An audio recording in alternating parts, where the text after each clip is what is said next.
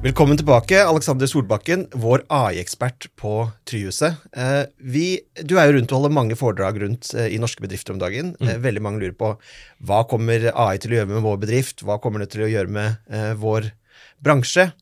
Og i dag skal jeg gå litt mer praktisk til verks. Eh, hva slags type tjenester tror du kommer til å komme først og endre bransjer og markeder? Jeg tror jo eh, en ting som veldig mange bedrifter allerede har, er jo f.eks. et lite ikon nede i høyre hjørne, hvor du allerede kan snakke med en eh, chatbot, men en chatbot som ikke er sånn superintelligent.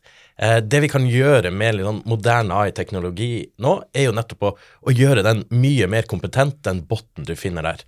Eh, det betyr at er du inne på en nettbutikk, så kan du kanskje spørre den botten om eh, å hjelpe deg faktisk finne et produkt, og så kan den søke gjennom hele produktinnholdet den kan forstå produktbeskrivelser på en mye bedre måte, så selv om ikke det er nøyaktig det du spør om, eh, inn i en sånn eh, produktbeskrivelse, la oss si på en bok eller et leketøy, så kan den fortsatt tolke det du sender inn til den, og finne et produkt som matcher de kriteriene.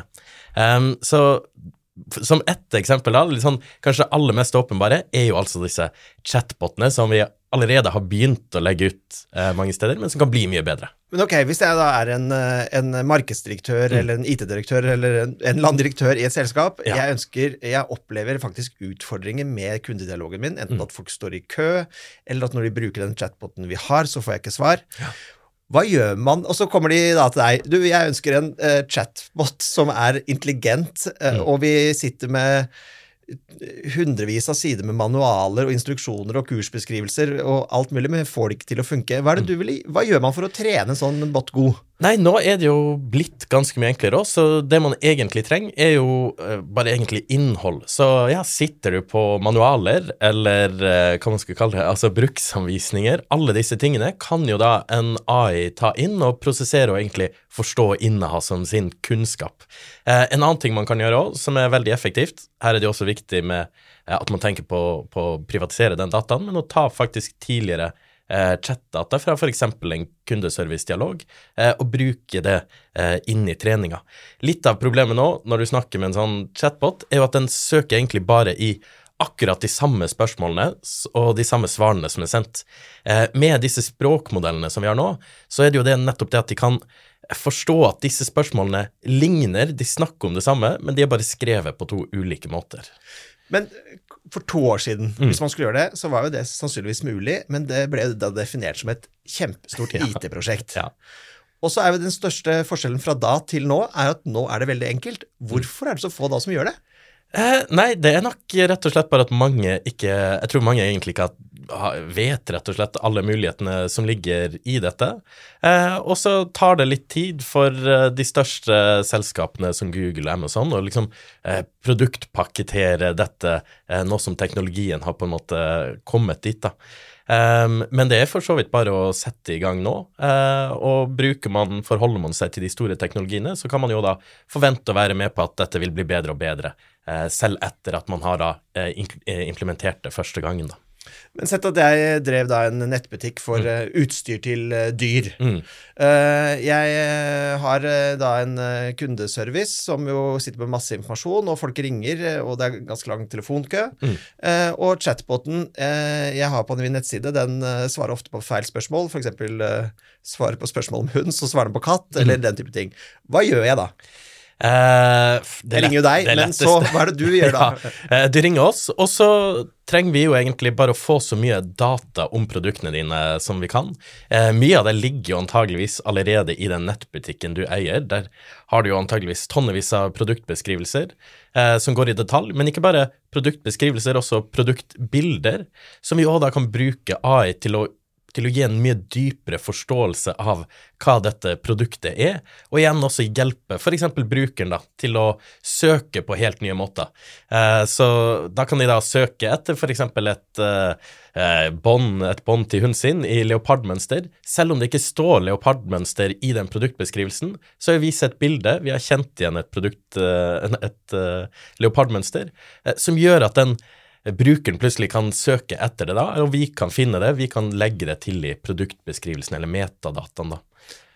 Veldig, veldig, interessant. Jeg er usikker på om vi kommer til å starte akkurat den butikken, men beskrivelsen gjelder jo for veldig mange. Men en annen ting jeg sliter med ofte hjemme, er jo jeg har ikke alltid like god kondis på å bruke manualer, enten jeg skal montere et møbel eller TV-er og den type ting.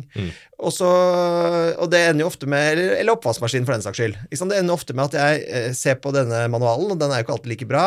Og så driver jeg og googler og finner, og så får jeg det som regel da til.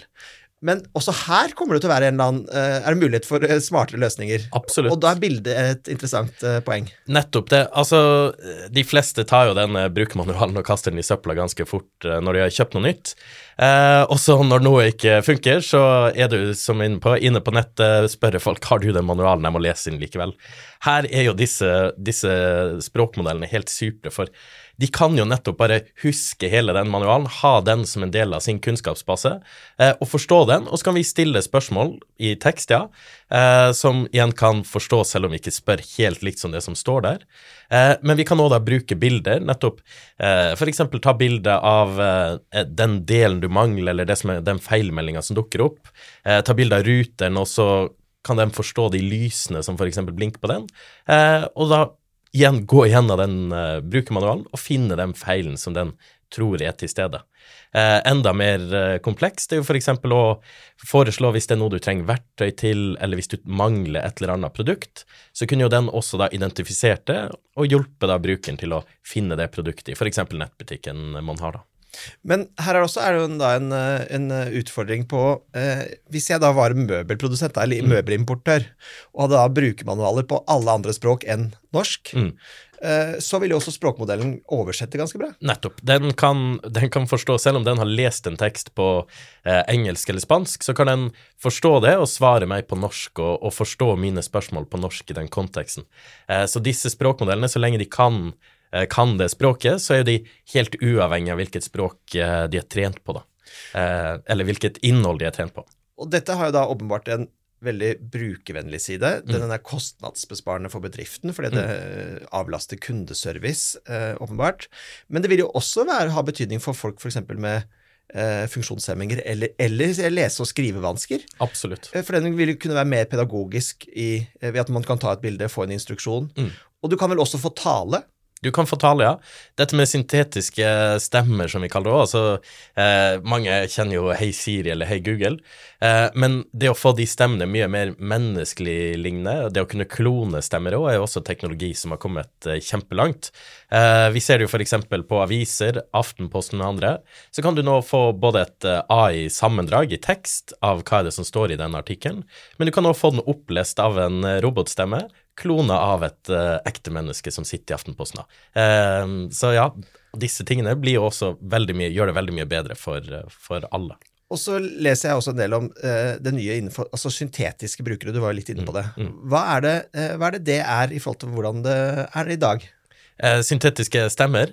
Ja, og, Ja. og brukere, for den saks skyld. Ja. Ja, altså Det er jo Stemmer gjør jo rett og slett at eh, det å spille inn lyd, litt sånn som vi sitter nå, eh, kanskje ikke helt om et år, men om et par år, så vil vi jo kunne nesten erstatte det at vi sitter her, og kunne gjort det til at eh, vi hadde skrevet eh, sittet og chatta i stedet, og så kunne dette blitt gjort om både til våre stemmer, men også våre stemmer på, som vi var inne på i stad, spansk, italiensk, hvilke språk vi vil ha, da. Eh, litt sånn som Spotify driver eh, smått med nå, rett og slett å eh, oversette podkast, men ved hjelp av syntetiske stemmer, da. Igjen for å tilgjengeliggjøre eh, innhold til flere enn en noen gang, da. Syntetiske stemmer er jo én ting, Mm. men så er det jo også dette med syntetiske brukere. Hva slags gevinst eh, kan ligge i det? Det jo, gir oss jo rett og slett muligheten til å simulere hva er det en bruker vil gjøre i et gitt miljø. Um, for eksempel når eh, vi sitter og designer, da, eh, så har vi da verktøy som gjør at vi rett og slett kan få en type heatmap generert av en AI, som da simulerer hvordan er det en bruker ville titta gjennom denne nettsiden, for. Da. Um, så det gir oss jo rett og slett muligheten til å, og jeg skal ikke si helt brukerteste, men en variant av eh, brukertesting, brukertesting light, uh, uten å måtte ha med et levende menneske uh, når vi gjør det, da. Uh, som rett og slett gjør uh, f.eks. den testprosessen, designprosessen, mer effektiv, da. Eh, tusen takk, Alexander. Du kommer helt sikkert tilbake om nye episoder. Og er det noen der ute som har eh, innspill til eh, hvilke temaer vi skal omtale sammen med Alexander, så send oss gjerne en melding om det.